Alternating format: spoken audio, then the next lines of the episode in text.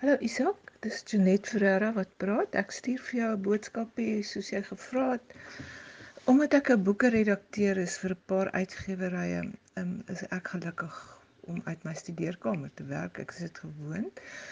So dis nie vir my so pynlik nie en my lyswerk is baie lank. Maar ek moet jou sê my twee Weimaraners van 3 maande oud stel eise aan my waarvoor ek nou so waar nie voorsiening gemaak het nie. Hulle is 2 jaar se fluweel en verskriklik ou gat, maar hulle is nog baie stout. Mens weet nie of hulle nie die huis se balke kan afkou nie.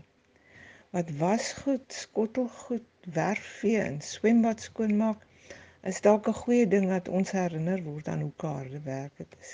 Dit is vir my belangrik om geroutineerd te bly, om dit struktuur gee terwyl dit nou voel asof alles nou onder ons voetepad gegee het. So terwyl ek werk, ek speel my Spotify lys soos altyd. Ek oefen elke dag op my gym apparaat want oefening hou mense kop en jou lyf gesond. Uh elke aand maak ek vir ons lekker kos en ek dek die tafel mooi selfs met 'n blom as daar in ons inheemse tuin nou een is. Saans en soggens vroeg lees ek en Ek is dankbaarder as ooit vir alles, vir 'n huis, kos, klere, 'n tuin, vriende, genade en liefde.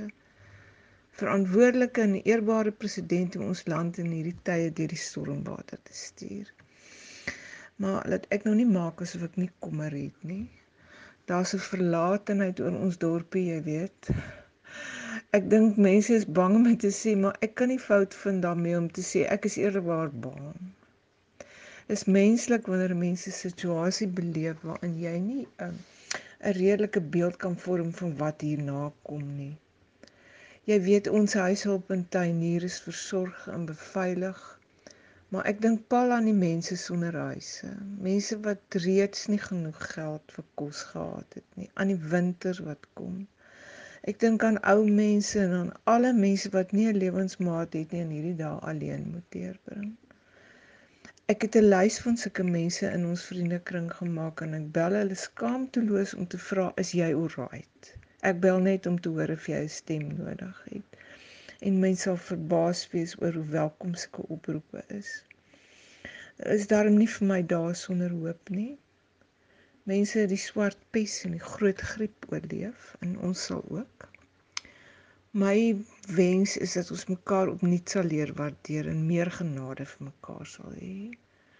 Ek sien by die supermark wanneer ek soontoe moet gaan baie kere emeure wat oorkook. Maar ek sien baie meer welwillendheid en verstandigheid waarvoor ek dankbaar is. Groete en genade en liefde vir almal.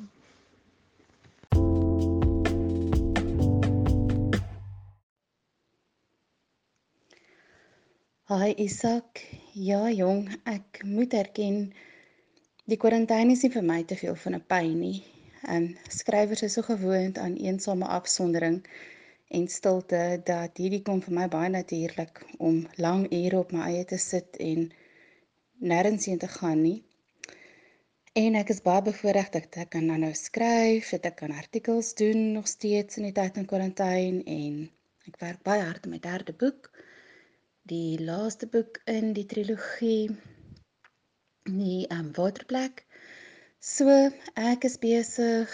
My man kan nou nou werk want hy het 'n rekenaar werk. So ons ehm um, ons kan onsself nou regtig nie jammer kry in hierdie tyd nie. Uh dit is vir ons jammer wel dat ons die see uh kan hoor en kan ruik, maar ons kan dit nie sien nie en die kinders kan nie gaan nie en is ek 'n pragtige sonskyn daar hulle kan nie uh, verder as die tuin gaan nie maar ons het 'n tuin en ons is gesond en ek het nog altyd my kinders baie waardeer maar in hierdie tyd dink ek hulle is sterre. Die 12-jarige ouetjie het nou gisterand weer vir ons potjie kos gemaak. Oor 'n môre gaan hy vir ons beeslende dis maak wat hy gekry het in huiskok glanskok van Erida de Tooy en François Ferreira en die 9-jarige ouetjie kry vir ons 'n uh, lekker resepte ook. Hy hy het ook 'n dis wat hy ook in dieselfde huiskok glanskookboek opgespoor het en hulle maak elke tweede dag regtig lekker kos vir ons. Dit gee my baie werksure. Hulle het vandag 'n foefie slide in die tuin, 'n nuwe een opgesit. Um ons is oomblik besig om in die tuin te sit en met ink te verf. Ek het hulle 'n bietjie geleer hoe om met goeie papier en ink te werk net so 'n bietjie basiese kunstegnieke hulle nou laat los dat hulle verder aangaan. So en verder lees hulle, 'n hond het 'n bos uit. So ek moet sê vir hierdie hierdie is vir ons redelik die normaal om hierdie straatliglose dorpie van ons te sit waar ons in elk geval nie baie mense sien nie en werk. Die groot offer is net om nie in die berg te kom nie en nie op die strand te kom nie en net te kan fietsry en stap en in daai tipe ding nie.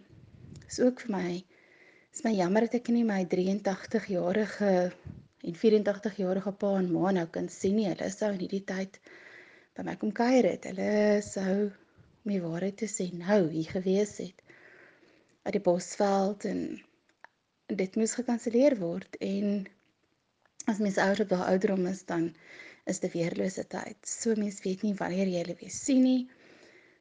Ehm um, ek het 'n ek het inkomste verloor in hierdie tyd wel ook.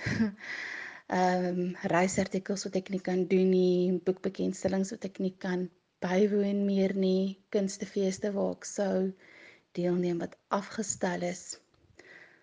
Maar ek voel ek voel so baie dinge is vir my in hierdie tyd maklik. Um dat ek myself nie kan oorgee aan die selfbejammering vir dit wat ek verloor het nie. Ek ja, ek is ek is so dankbaar vir my gesin. Soos ek sê, ek is dankbaar vir my vriende met wie ek lekker lank Skype calls het en familie. Um so all in all gaan dit eintlik goed onder omstandighede. Ek is nie so besorgd dat ons die virus sal kry nie. Ons is in so 'n uh, afgeleë hoekie uit die kusdorp. Maar ek is meer besorg oor die sosio-ekonomiese uitkringende effek in Suid-Afrika en oor die wêreld. Dit dit is wel vir my groot besorgdheid. Ek dink die wêreld gaan 'n totaal ander plek wees hierna. En ek hoop en bid net dat dit 'n plek is waar my kinders kan floreer en waar hulle kan hulle potensiaal ontwikkel. So ja, dit is waaroor my hart vashou. Goed, baie sterkte daar vir julle ook.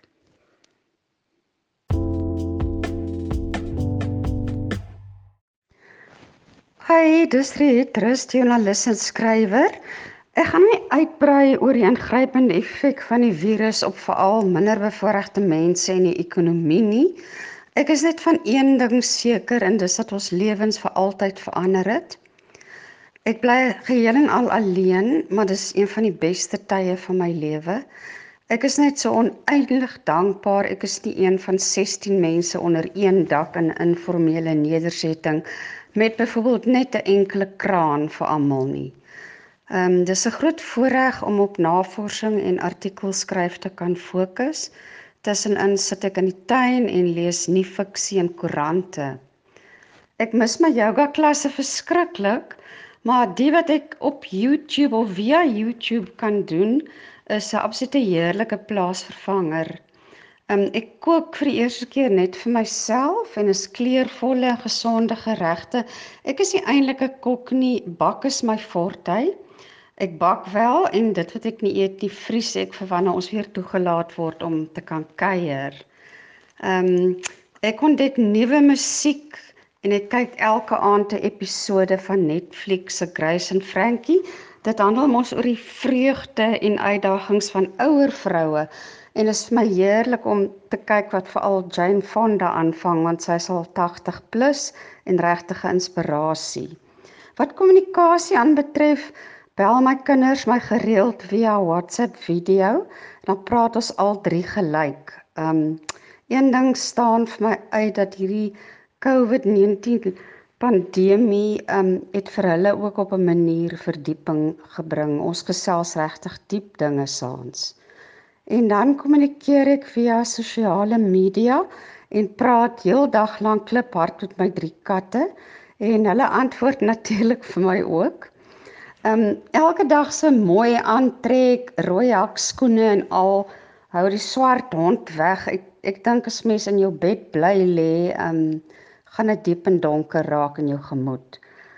Ja, opsommend kan ek net sê, um, ek is nooit absoluut nooit verveeld nie en glo net daarin dat almal die beste moet maak van hierdie tyd en die in die meeste wat jy kan met ander eensame mense via telefoon of Facebook kommunikeer. Sterkte vir julle almal. Ons is almal hierin en ek dink net die gedagte dat ons alles saam doen is al klaar kosbaar. Goed gaan met julle almal. Totsiens.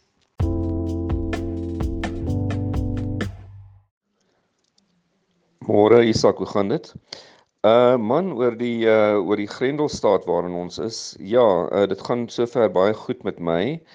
Ehm um, ehm um, ek is met een ander persoon uh uh Nikki my vrou in in in hierdie toestand. Ehm um, alles oukei. Okay. Ja, ons het uh tyd om ons onderskeidelike werk op te vang ensovoorts ensovoorts. Ehm um, ek het die, ek het 'n probleem met die oefening. Uh jy weet hierdie gehardlopery op een plekkie, ek voel so 'n bietjie soos 'n potplant. Uh en die ander ding wat gebeur het is ek het toe uh ek het skynbare soort oorinfeksie opgedoen wat weet van die binneoor iets wat ek ehm um, um, geneig is om te kry van tyd tot tyd en ek dink maar net daaraan as ek alleen in 'n in 'n toestand uh van afsondering was sou dit verskriklik moeilik gewees het want jy verloor jou balans en jy kan omtrent niks doen vir daai vir daai tydperk nie. Ehm um, so ek dink maar net daaraan ek dink daaraan dat dit beter is vir mense om ten minste 2 2 of miskien uh jy weet uh um, in groepies van 3 in hierdie um, tyd van grendeling in te wees. Uh dit is omtrent die enigste ding wat my bietjie bekommerd maak.